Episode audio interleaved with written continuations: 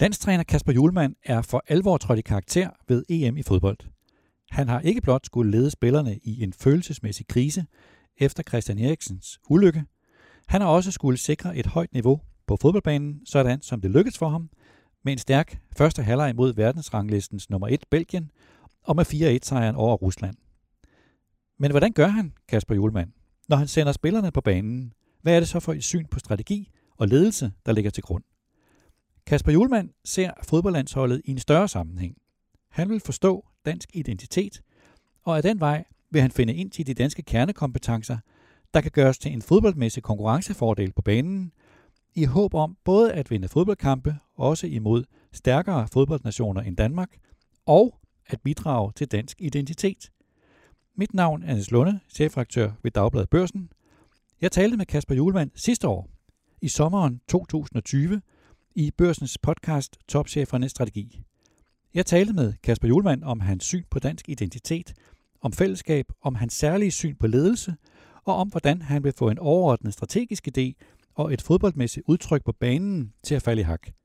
Og nu, efter at have set Kasper Julemand og spillerne i de tre dramatiske kampe i den indledende gruppe ved EM, så er det interessant at se, at de idéer, som Julemand fortalte om i podcasten for et år siden, de idéer er han ved at gøre til virkelighed. Og derfor genudgiver vi podcasten her. Kasper Julemand, tak fordi jeg måtte komme. Jamen, du er velkommen. Hvorfor eksisterer landsholdet? Jamen, jeg, jeg vil gerne starte med at sætte det lidt ind i en, øh, lidt i en kontekst. Øh.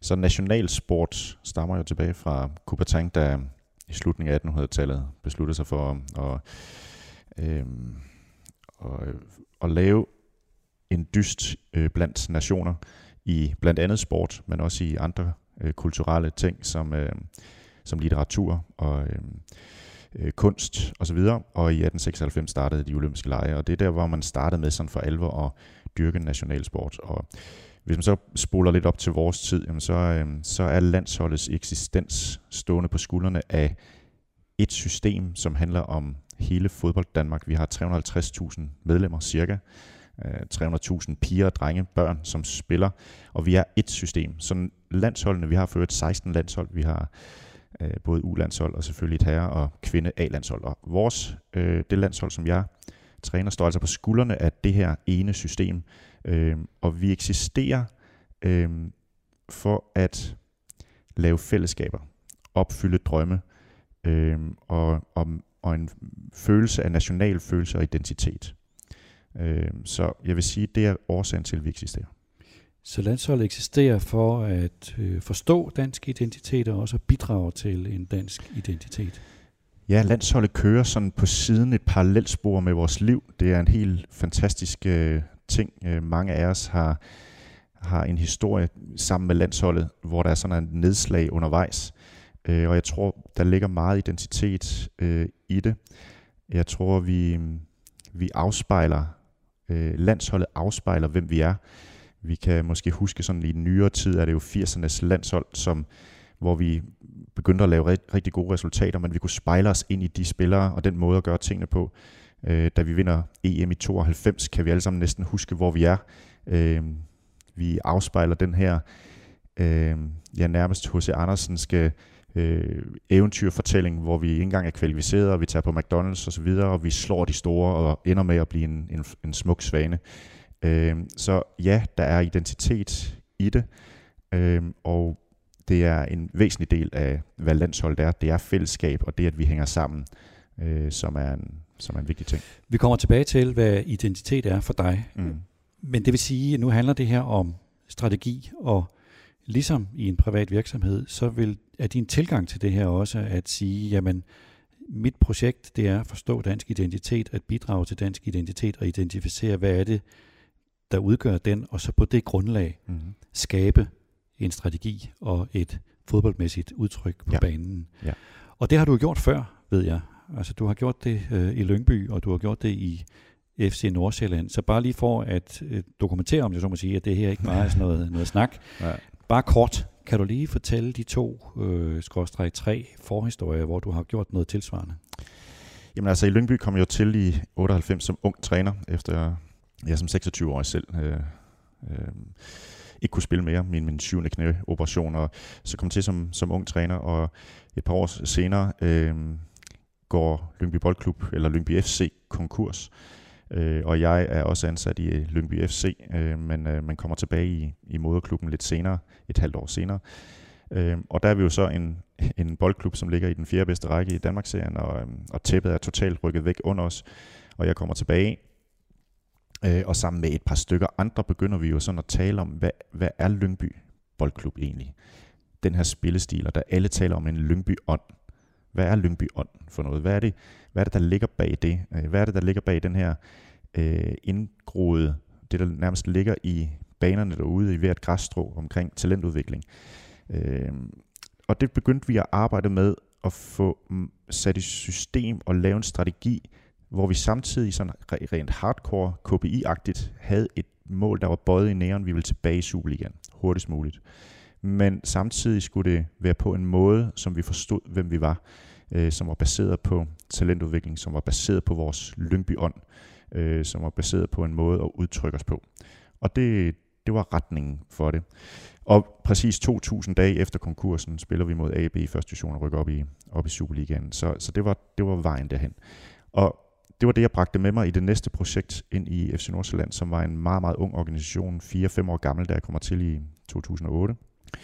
Og det, der tiltalte mig der, det var, der var sådan en, en platform for måske at gøre lidt af det samme, øh, for at identificere, hvem vi egentlig var, hvad er det, vi hviler på, hvad er det for nogle værdier, for det omsat til en spillestil, øh, og den her, det her meget stærke værdisæt, som vi fik lavet hen over de, de næste par år, omsat til en spillestil, blev jo vores konkurrence øh, Edge som øh, det 9. 10. største øh, budget gjorde, at vi faktisk, på trods af det, at vi vandt to pokaler og en guld og en sølvmedalje på, i en fireårig periode. Øh, og det, var, det mener jeg var, fordi vi fik identificeret en identitet, og fik det omsat til en meget stærk spillestil. Øhm. Og du har fortalt mig engang, at i FC Nordsjælland, i hvert fald på det tidspunkt, der spillede alle hold helt ned til U8 på den samme måde, sådan at at alle spillere, når de rykkede op, så vidste de præcis, hvor Vensterbak han skulle spille, hvordan han skulle spille. Ja, det var hele, og det var ikke noget, jeg har fundet på. Det er faktisk noget, som man har gjort de bedste steder, man laver spillere, der hvor der er flest spillere, der, der spiller i de europæiske klubber. De, de, de bedste talentudviklingssystemer, de er baseret på, at der er en fortolkning af spillet, og at der er en klar linje. Det betyder ikke, at man spiller fuldstændig ens, men der er en linje, der er en strategi på holdene, sådan så at man har fortolket spillet. Og det forsøgte vi også at få lagt ned over, sådan så man kunne stå og kigge på, uanset om det var en 12-årig eller en Superliga-spiller, det hold, så kunne vi se, at det var et FC Nordsjælland-hold. Og det var egentlig det, vi, vi byggede det op på. Og i anden omgang, du kom tilbage til FC Nordsjælland, efter du havde været i Tyskland, der var det et nyt projekt, men det var den samme metode. Ja, metoden er på samme måde. Altså det var jo så en, en NGO, øh, som havde købt, som købte FC Nordsjælland. Øh, et, sådan et merge mellem en afrikansk, engelsk-amerikansk kultur, øh, en NGO, som eksisterede i 17 år, som købte øh, FC Nordsjælland, øh, og en dansk klub, som jo på det tidspunkt også vidste, hvem vi var. Der var sådan en merge af det, og igen skulle vi omdefinere, øh, lave nogle twist på det eksisterende, og få de her ting til at gå hånd i hånd, og det var svært, mega spændende. Øh, men igen, så skulle det omsættes til fodboldudtryk, og det blev, det blev, det arbejdede vi med, og var sindssygt spændende at få den der, øh, den der afrikanske øh, kultur, den ghanesiske måde at se verden på, og de, det, de var bygget op omkring, for det omsat til noget musik ind på banen, få noget individualisme ind, noget, jeg kalder det musik, øh, ind på vores hold, Øh, og det var, det var super spændende, og jeg tror, øh, der, der kom et twist til vores spillestil, som bygger på også den måde, som vi, vi så os selv på. Og det var bidrag til, at FC Nordsjælland, trods det, at holdet var meget, meget ungt og yngre end de andre i Superligaen, nåede resultater? Ja, igen så tror jeg, det var det årsagen til, at vi fik, et, vi fik en bronzemedalje. Øh, sidste dagen øh, spillede vi udgjort med, med FCK. Øh, vi har været fast i, vi var fast i top 6 i de år øh, og spillet med det yngste hold i Europa. Så, men, men jeg tror, vi, det kunne vi ikke gøre, øh, hvis ikke vi var meget klar over, hvem vi var, og hvordan vi skulle spille ud fra det. Når man taler om det her med at, at se landsholdet i en større sammenhæng, og at, at, at på det grundlag skabe resultater, så ved jeg, at der i landene omkring os, og også i klubber omkring os, så er der eksempler på, at det faktisk lykkes. Du har selv nævnt nogle af dem for mig. Altså Belgien for eksempel har gjort det, Tyskland har tidligere gjort det, England har tidligere gjort det. Hvad er det, de, og Liverpool har gjort det. Mm. Hvad er det, de gør de steder? Altså jeg var meget inspireret af den, den tyske, det tyske forbund, som øh, lavede en helt vildt stor turnaround i starten af 00'erne. Øh, der, tysk fodbold, hvis man tænker tilbage, så var det, når de var til VM og så videre, så var det pigtråd omkring, og meget kraftfuldt udtryk. Øh, det var et meget lukket, meget lukket kultur. Og der kom en ny gruppe ind, som sagde, at vi skal prøve at redefinere, hvem vi er, øh, og få det omsat til fodbold. Så da vi i 2006 ser et, et tysk hold, ledet af Jürgen Klinsmann og Joachim Löw, den nuværende landstræner, er assistent for ham, og de har Bierhoff, som også kom ind, Mathias Sammer, som kom ind på samme tid, øh, og havde sagt, at vi, bliver, vi skal fastholde vores hårde arbejde, vores disciplin, men vi skal være mere åbne, vi skal have en inkluderende kultur, vi skal give plads til flere forskellige slags tyskere. Vi skal have et spil, som er mere nuanceret end bare kraftfuldt. Øhm, og det, da de står i semifinalen, og Merkel er ude i et, et interview med ZDF, det er tydeligt huske og siger til Tyskland, det her er det nye Tyskland. Øh, det er enormt kraftfuldt, synes jeg. Det var første gang, vi hørte om multikulti. Øh, vi havde Kadir, Özil og Gündogan blandt andet, som var øh, kom med en, med en øh, tyrkisk baggrund. Øh, spillet var mere levende og lidt mere øh, fleksibelt. De havde ansat en fysisk træner per to eller tre spillere, tror jeg det var. Øh, så det var meget, meget baseret på nye idéer. Og efterfølgende øh, kommer den, den tyske regering også ud med et slogan, der hedder Deutschland der Nation der ideen. Øh, og det var egentlig startskuddet på en rejse hen imod 2014, hvor de bliver verdensmester. Og forbundet har drevet den fremdrift det er ikke sikkert, hvis du spørger Bayern München, de synes det samme, men, men øh, forbundet øh, har lavet det på baggrund af at identificere øh, identitet, en måde at spille fodbold på, spillernes betydning, og hvordan skal det ledes. Det giver konkurrence edge. Og det er, det synes jeg var meget kraftfuldt, og jeg, det engelske, de har jo kigget på tysk, de har ikke vundet noget siden 66, øh, og de øh, har jo kigget på den der fremdrift hos tyskerne, og har egentlig kopieret metoden. Øh, så hvis du spurgte for hvis du spurgte englænder for 10 år siden, så ville de sige, ja, men vi taber altid, og lidt flove over tingene, og så videre. Øh, historien nu er helt anderledes. De har virkelig tro og håb øh, på deres nye landshold, som vi i øvrigt snart møder. Øh, et meget ungt hold, et nyt type lederskab, en ny type kultur omkring holdet, og de har stadigvæk ikke vundet noget, men de har enorm opbakning. Øh, så, så det er interessant. Belgien, lidt den samme proces, gået fra at være nummer, jeg tror det er 60 i verden, til nu at være nummer 1 i verden.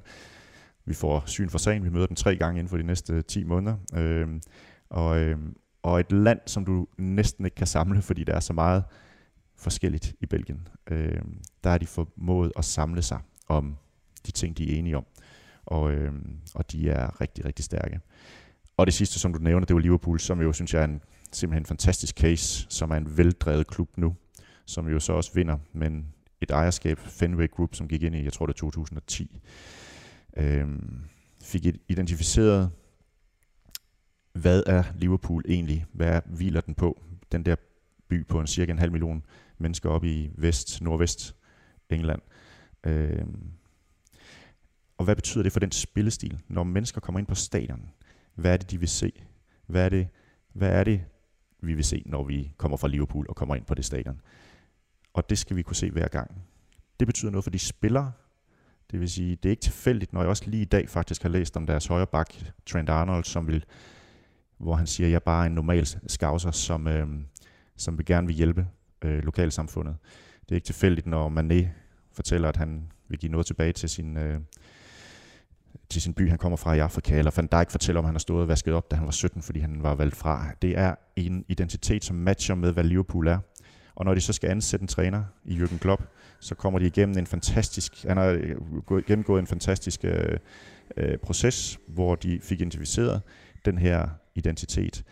Og hans evne til at vælge rigtigt i forhold til, hvem han er, så har du en leder, som passer perfekt til den identitet. Og det giver den den konkurrence øh, edge, som så gør nu, at de har vundet mesterskabet for første gang i, i 30 år. Egentlig den samme proces, og det er egentlig det, jeg synes, der er, er spændende. Så det er din ambition at gøre noget tilsvarende. Og det, inden vi øh, kommer tættere på, hvordan du ser dansk identitet, så er mit næste spørgsmål, det er, hvilken branche er landsholdet egentlig i? Ja, hvis du tvinger mig til at sige en branche, fordi jeg synes, fodbold er meget større end en enkelt branche, øh, men så vil jeg sige, at vi er en bastion i Danmark. Øh, og kultur og fodbold, det binder mennesker sammen, og det giver identitet, og det giver fællesskab. Øh, så, så det vil være mit korte svar. Hvis jeg får en lille smule længere tid, så vil jeg sige, at vi både, vi er også i underholdning og oplevelsesindustrien.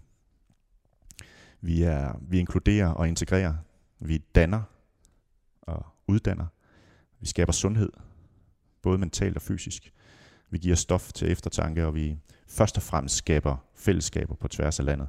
Så det er derfor, jeg mener, at alle burde gå til fodbold, fordi der, der, ligger, der ligger så mange værdier i det. Men jeg mener først og fremmest, at vi er en kulturbastion i Danmark. Og det, det, det er fodboldverdenen og fodboldkulturen, men det vil sige, det er landsholdet også. Og landsholdets opgave er at bidrage til det. Ja. Det fører mig til det næste spørgsmål, og det er, i erhvervslivet taler man jo om value proposition. Altså, hvad er dit løfte til dine kunder? Hvis man skal oversætte det til, til din verden, så hvad er dit value proposition, eller hvad er dit mål, som du vil give fodboldholdet, landsholdets fans? Mit nummer et, det er at vinde. Øh, det er at vinde fodboldkampe. Øh, og det er, det er det, som jeg er ansat til først og fremmest at forsøge at, at hjælpe holdet til. Øh, jeg har en drøm om at vinde. Jeg har en drøm om, at jeg var selv en ung mand, da vi vandt EM i 92, og hvor kunne det være fantastisk, hvis dem, som ikke var født på det tidspunkt, mine børn, kunne få lov til at opleve noget af den, den samme eufori. Så det at vinde er nummer et. Nummer to, jamen det er at gøre folk stolte, og have flest mulige, der, der er med i den drøm. Fordi jeg synes, at det er vigtigt at forstå, at vi alle sammen omkring holdet føler, at vi står på skuldrene af befolkningen. Øh, og at det system, som jeg startede med at sige, øh, vi er egentlig bare showcasen på Danmark. Vi er showcasen på alle dem, der har med fodbold at gøre i Danmark. Så ligesom man i erhvervslivet vil sige, at en privat virksomhed både skal tjene penge til sine aktionærer og bidrage øh, positivt til sit samfund, så er din ambition den samme.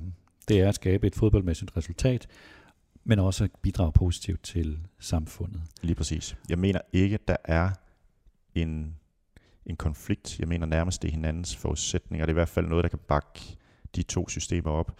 Øh, og det at vinde giver også en platform. Øh, du får en større megafon, når du vinder. Du, står, du, du, kan, du kan røre ved flere mennesker, når du vinder. Øh, så længe man også tænker på netop, man så også har, synes jeg, en forpligtelse til at bidrage positivt tilbage.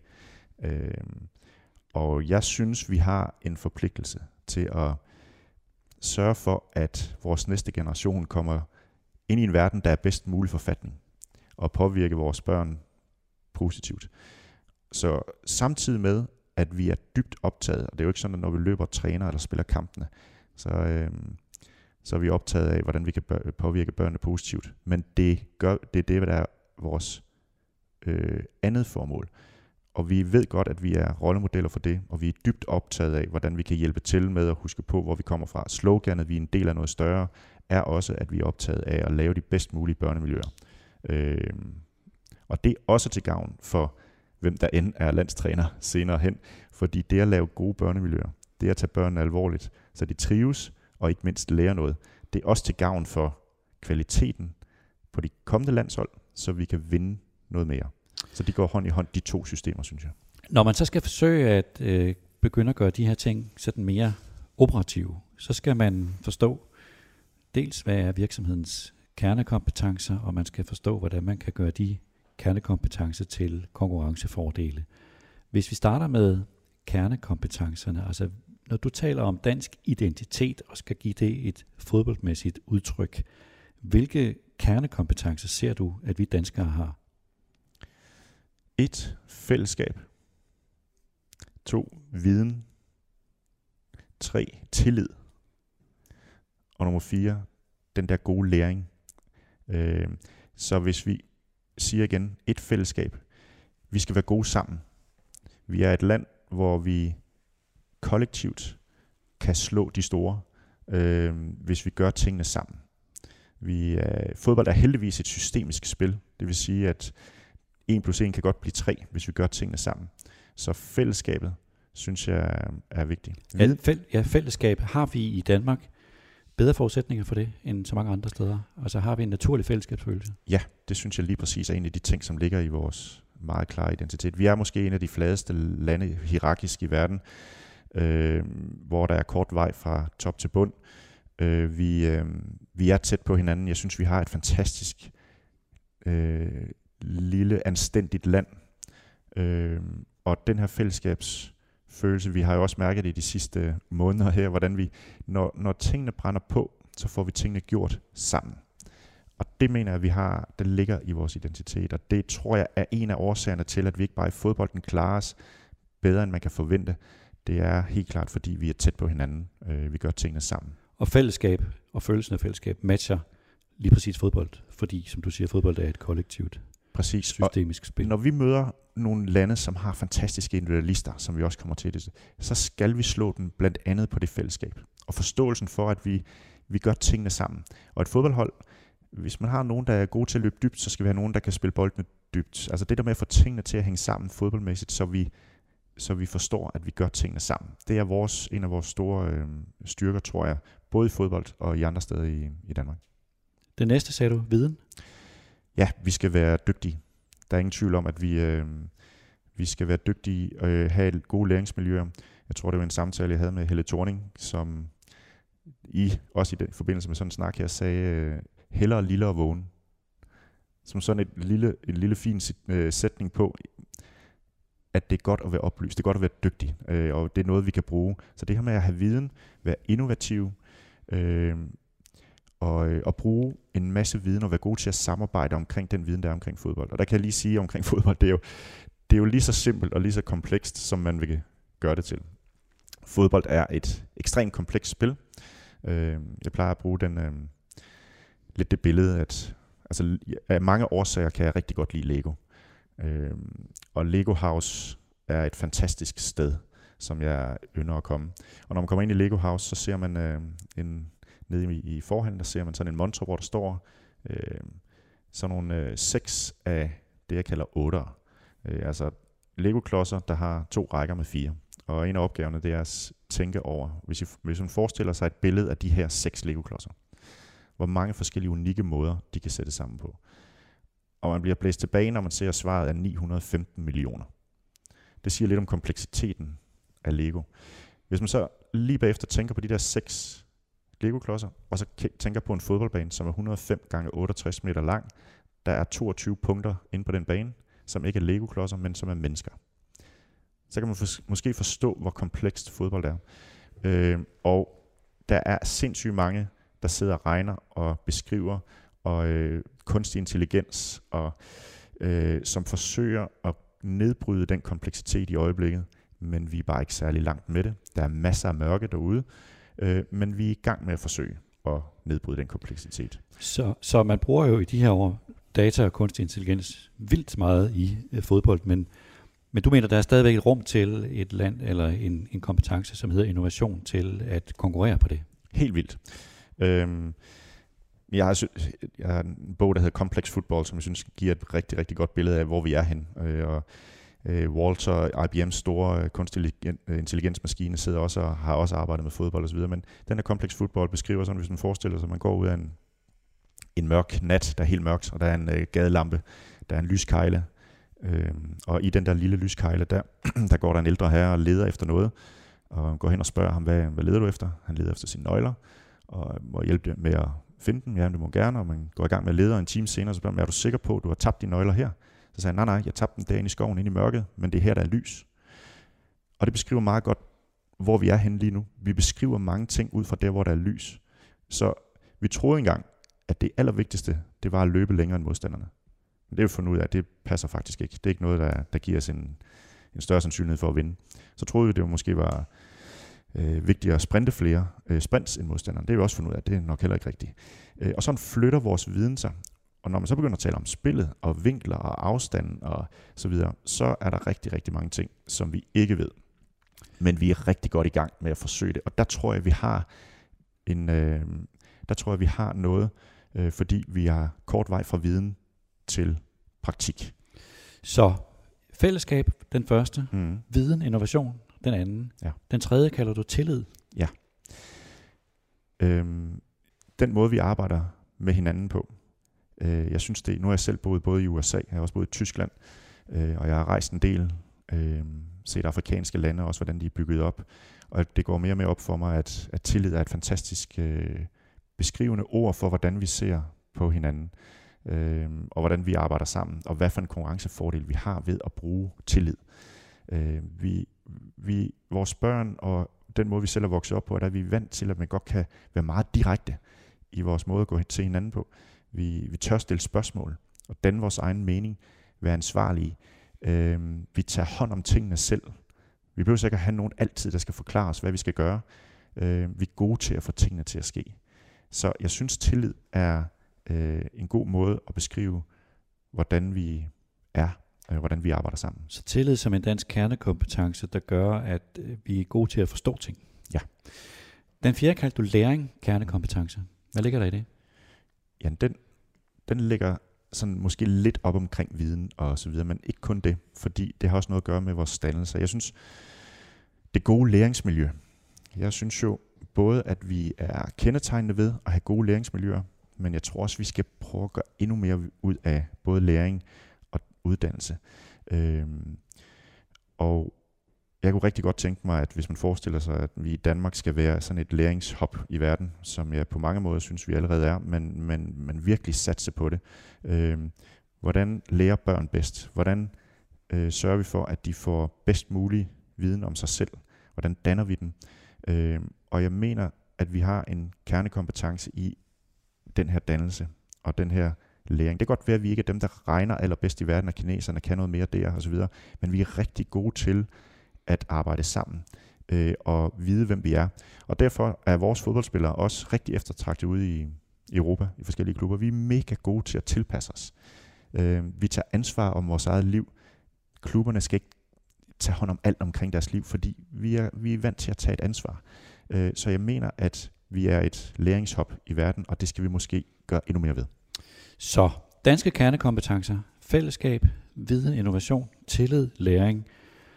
Og når du nu har identificeret de her kernekompetencer, så er det jo, at du skal omsætte dem, ligesom topchefer i erhvervslivet skal forsøge det, til dine konkurrencefordele. Altså, hvordan skal de her kernekompetencer omsættes til spillet, til det spillemæssige udtryk inde på banen.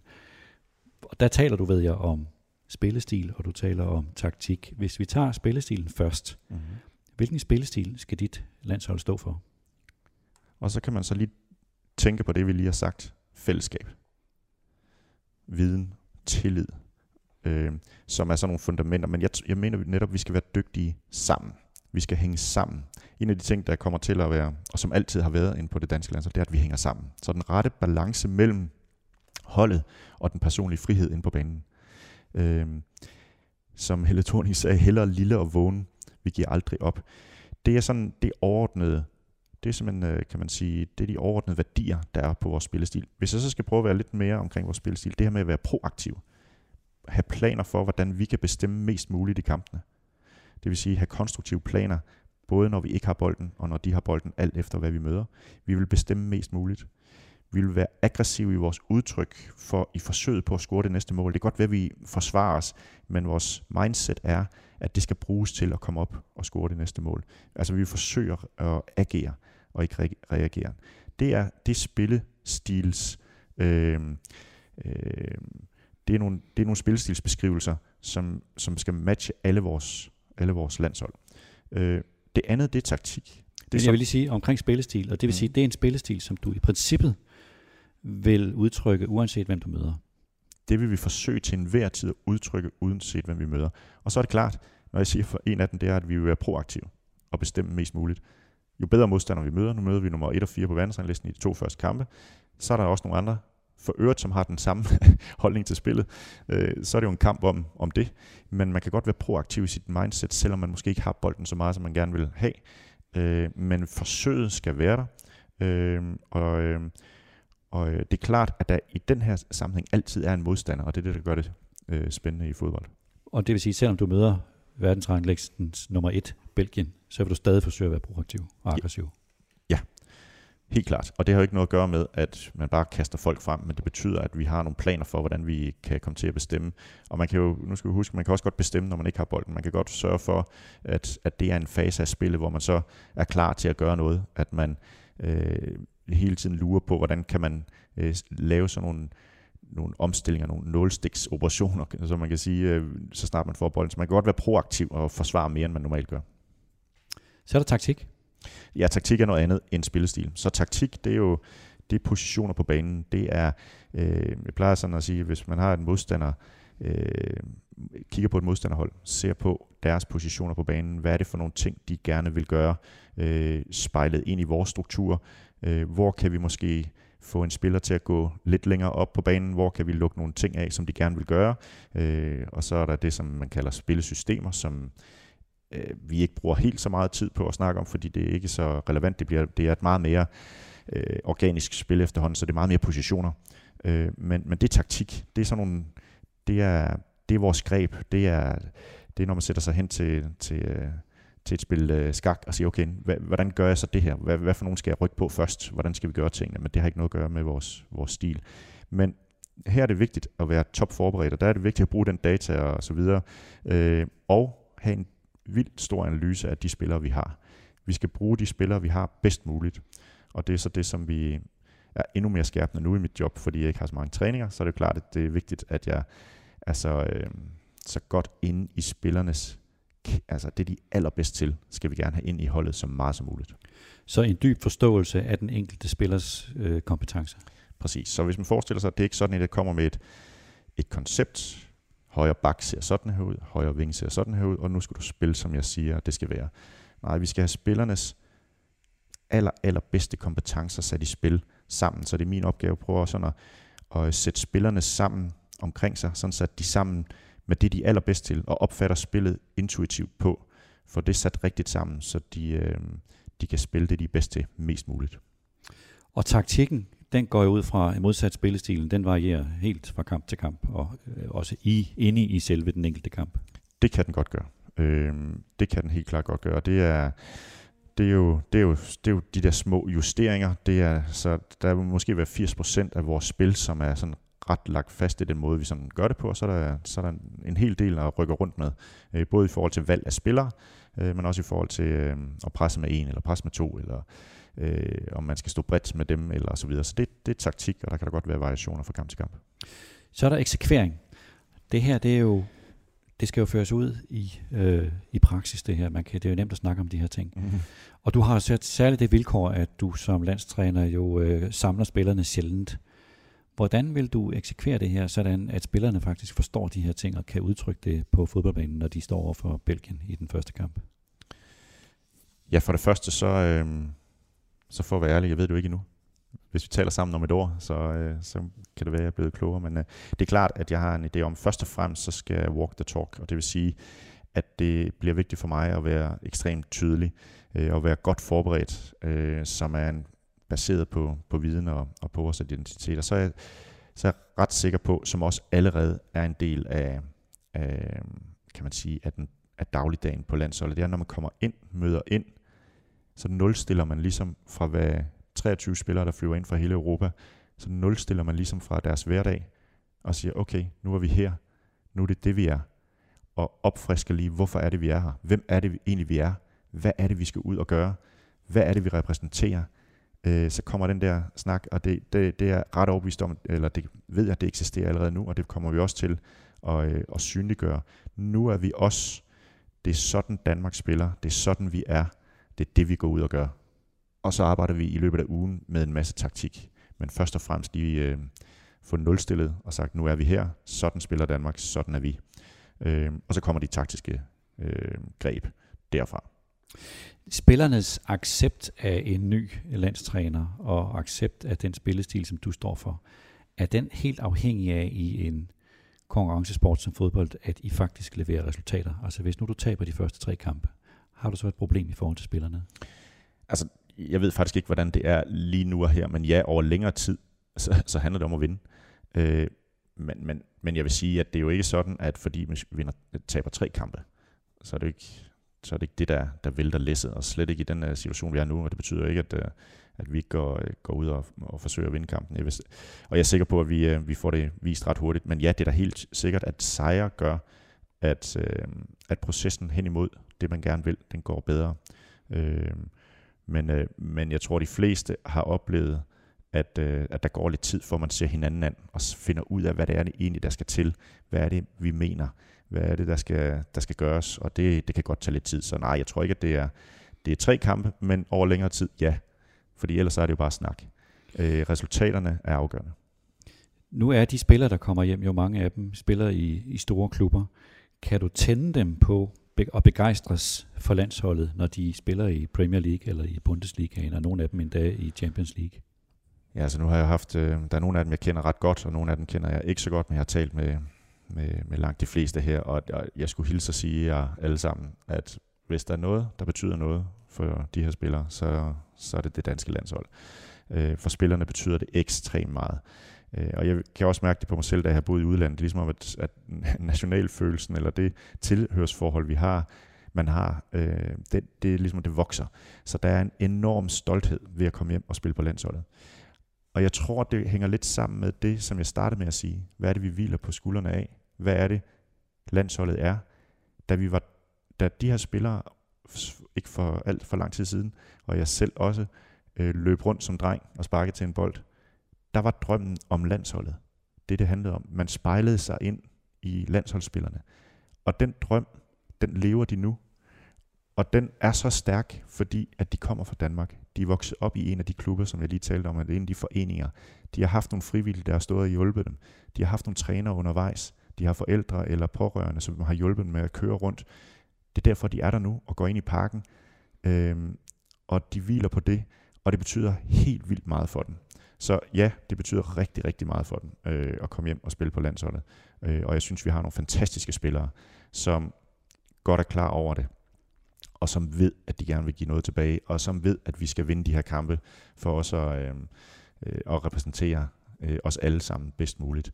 Så, øh, så ja, det betyder meget. Så i den kommercielle kommercialisering, der er sket af fodbolden og sport i de seneste øh, til 20 år, der er der stadig plads til, at spillerne kan tænde på begejstring og stolthed over landsholdet, og på det, som du kalder at bidrage til en dansk identitet.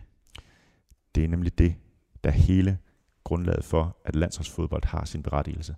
Øh, som du siger, de store midler, de store ligaer, Champions League, de brager af, og den kommercialisering, der er omkring det. Men det er sjovt nok der, at man, når man spiller landsholdsfodbold, når der er VM, når der er EM, at der er de største følelser i spil. Det er sjovt nok der, når der var VM sidst i Rusland, hvor vi mødte Peru, hvor der var tusindvis af peruanere, der havde solgt, hvad de havde for, at de skulle, de skulle simpelthen til Rusland og følge Peru spille fodbold. De største følelser kommer i spil i forbindelse med landsholdsfodbold. Så det er interessant, og det er derfor, at, at landsholdsfodbold øh, fylder så meget. Det er fordi, det er et spil, som virkelig kan samle. Det er et hold, som kan skabe fællesskab, og som står på skuldrene af hele befolkningen.